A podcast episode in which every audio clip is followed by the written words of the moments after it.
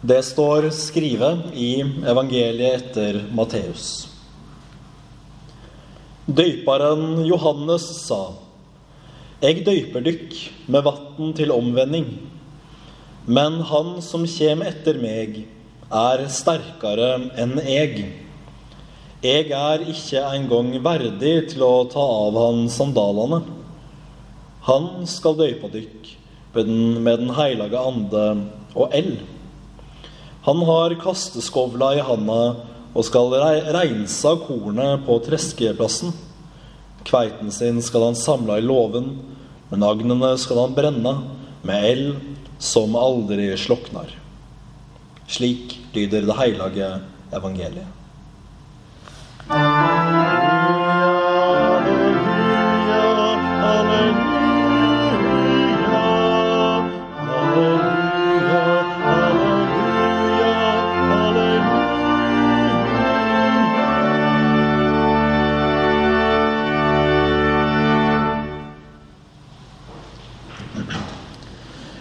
Nåde og fred fra Gud vår Far og Jesus Kristus, vår Frelser.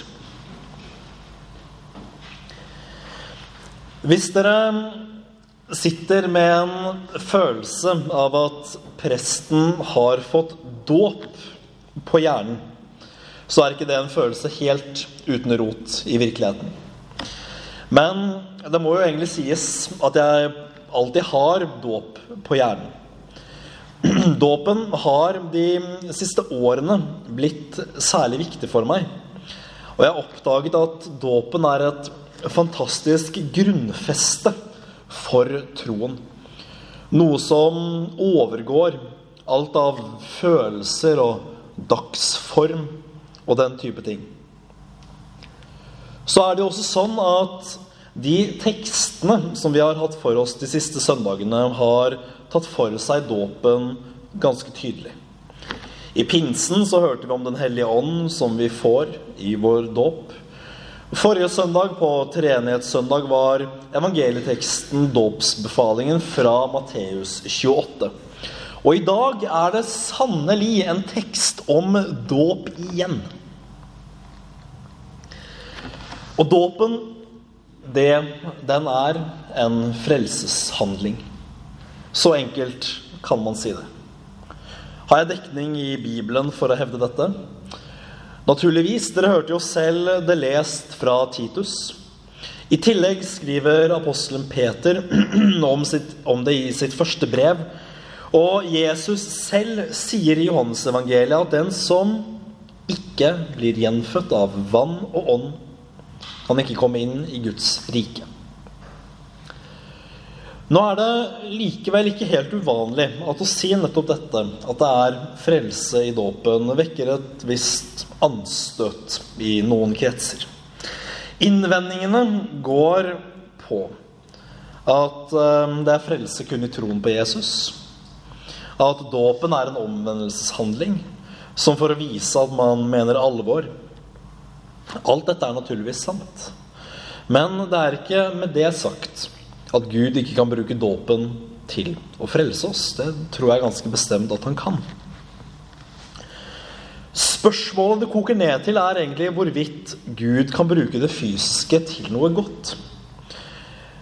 Mange kristne retninger som har eksistert på ulike punkter gjennom kirkens historie, har en tendens til å bli noe overåndelige. Det er disse man gjerne i evangelisk-luthersk tradisjon kaller for svermere. De vil kanskje si at det skapte er ondt, hvis de trekker det veldig langt. Men i alle fall at troen og frelsen primært er åndelige saker. Og derfor skal man unngå å knytte det for sterkt til det fysiske. Og dette tror jeg i beste fall er en grov misforståelse. At noe er gnostisk det er noe dere skal merke dere. Et ord dere skal merke dere. Gnostisismen var en av de første sekter.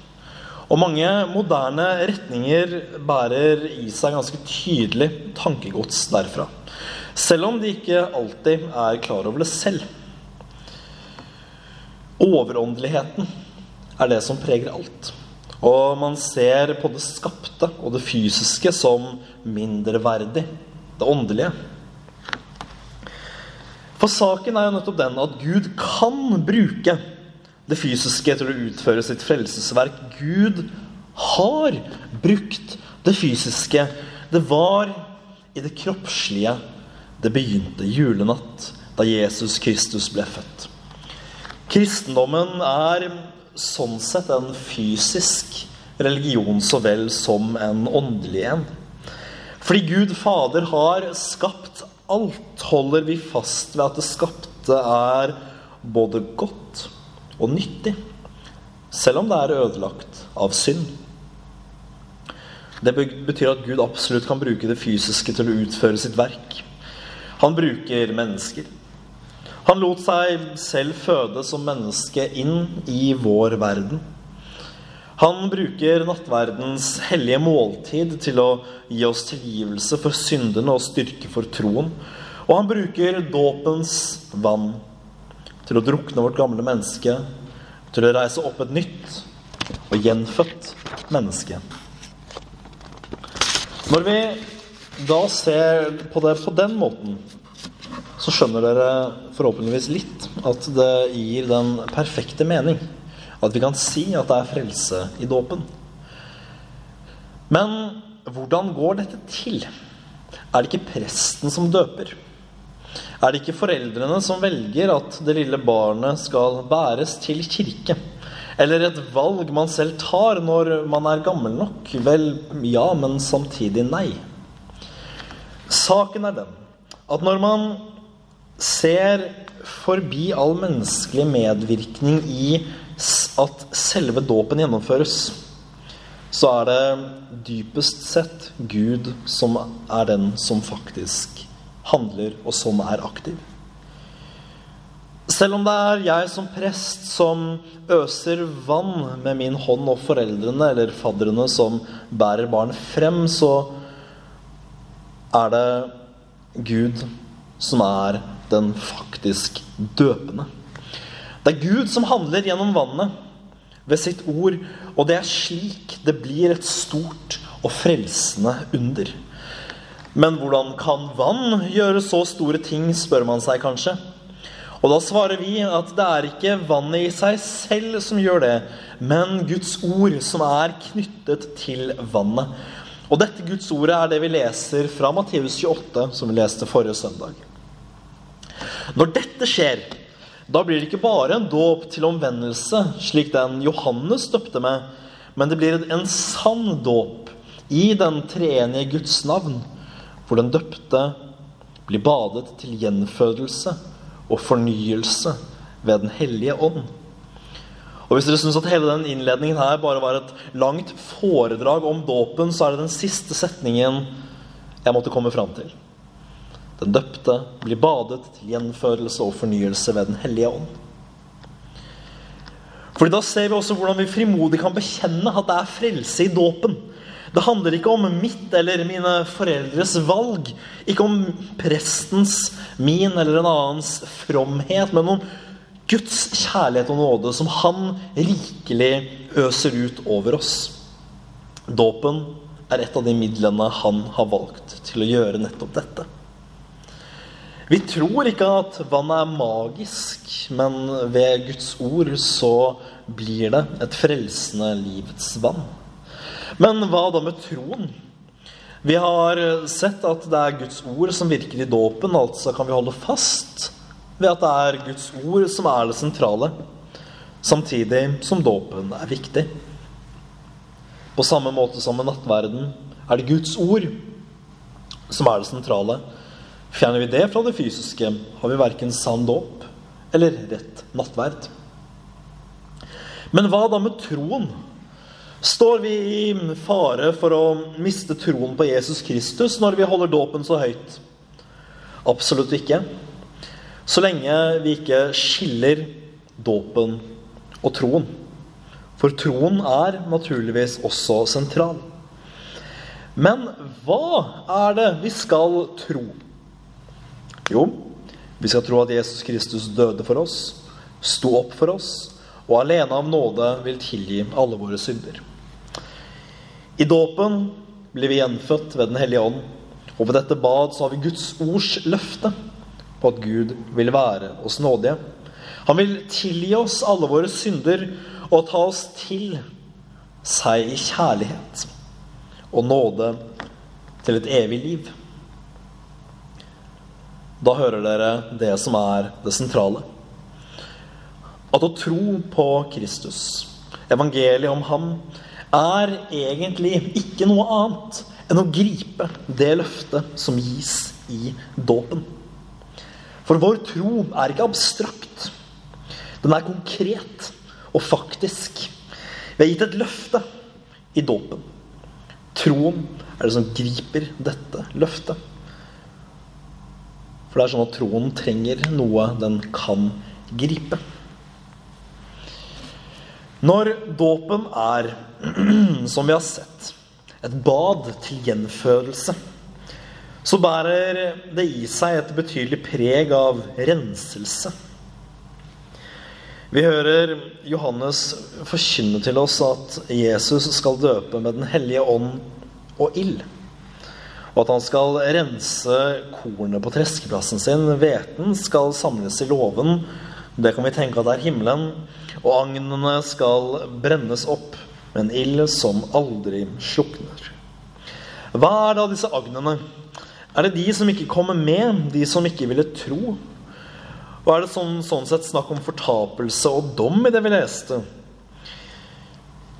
Det er ikke umulig, men jeg vil ikke gå inn på det nå. Det er nemlig en annen vei vi kan ta. Og det er å snakke om dåpens stadige renselse. Og det er Andreas som satte meg inn på dette sporet. Bare sånn at eh, man gir ære der den hører hjemme. For ild kan ikke bare ødelegge, den kan også rense. Ild har jo absolutt sin nytte for oss mennesker. Hadde den bare brent ned våre ting, så hadde det ikke vært nyttig. Men ild kan gjøre flere ting. Å leve i dåpens nåde handler om den daglige bot og omvendelse.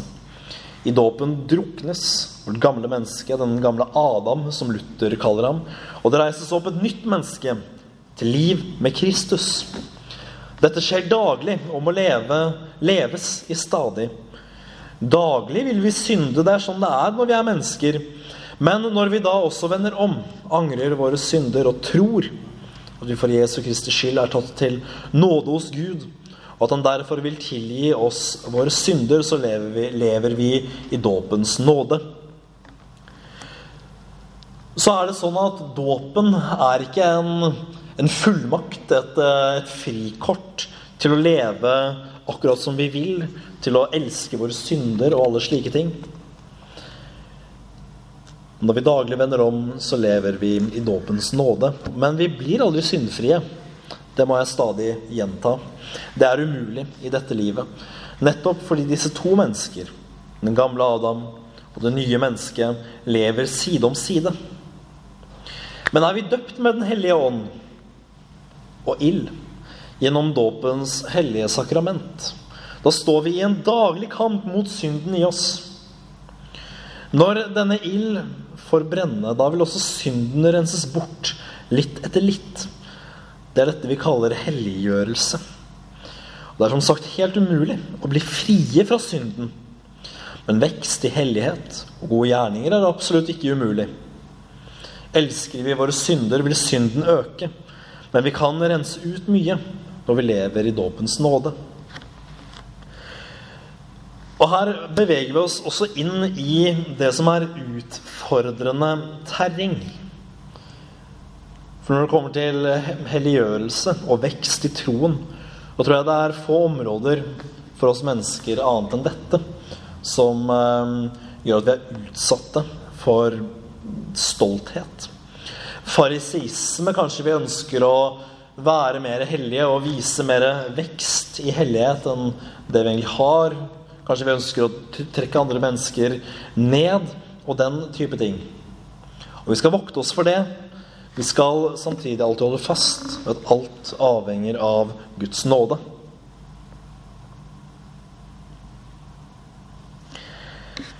Og kanskje er det snakk om både renselse og dom i det Johannes taler om. For det kommer en dag da vi skal bli syndfrie. Og dersom agnene som Johannes nevner, er vårt gamle menneske, våre synder, all vår ondskap, alle våre syndige tilbøyeligheter, ja, da skal de faktisk treskes ut av Herren selv. De skal kastes av slik hveten kaster det av seg, og vi står opp til et evig liv som helt og holdent nye mennesker, uten noe av det gamle og ødelagte ved oss. Inntil den dagen vil vi måtte vandre i stor strid mot verdens og vår egen syndighet og ondskap. Det er mye som angriper oss, og som vil anklage oss. Djevelen og vår egen samvittighet er de fremste blant våre anklagere. Hva skal vi fly til når djevelen anklager oss? Han anklager oss jo med rette. Vi er syndere som er skyldige til både dom og straff. Det er alt vi fortjener. Men Gud gir oss ikke det vi fortjener, snarere tvert imot. I dåpen har han gitt oss nåde og evig liv, tilgivelse for alle våre synder. I møte med djevelens angrep er dåpen vår største trøst og vårt beste forsvar. Dersom vi skulle trøstet oss til våre egne gjerninger, hva hadde vi da stått igjen med? Djevelen hadde, djevelen hadde anklaget oss og vunnet. Vår tro, som da i betydningen vår, vår følte tro, naturligvis, men hva når den kjennes svak? Hva når jeg kjenner meg langt unna Gud? Hva når hele mitt følelsesliv rakner? Når jeg ligger skikkelig, skikkelig i gjørma? Dåpen er objektiv. Djevelen kan anklage og angripe oss alt han vil. Vi kan stå med rak rygg og hvile i vårt forsvar. Jeg er døpt i Jesu navn. Gud har i den hellige dåp lovet meg nåde og evig liv. Tilgivelse for alle mine synder. Dette er et løfte jeg kan tro. Hva har du så fare med, djevel?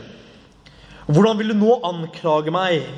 Visst er jeg en synder, men visst er Jesus Kristus også en frelser. En frelser som har lovet å frelse syndere som har vasket oss alle rene med sitt dyrebare blod og det salige vann, livets vann, i den hellige dåpens sakrament. Ære være Faderen og Sønnen og Den hellige ånd, som var, er og blir en sann Gud fra evighet og til evighet. Amen.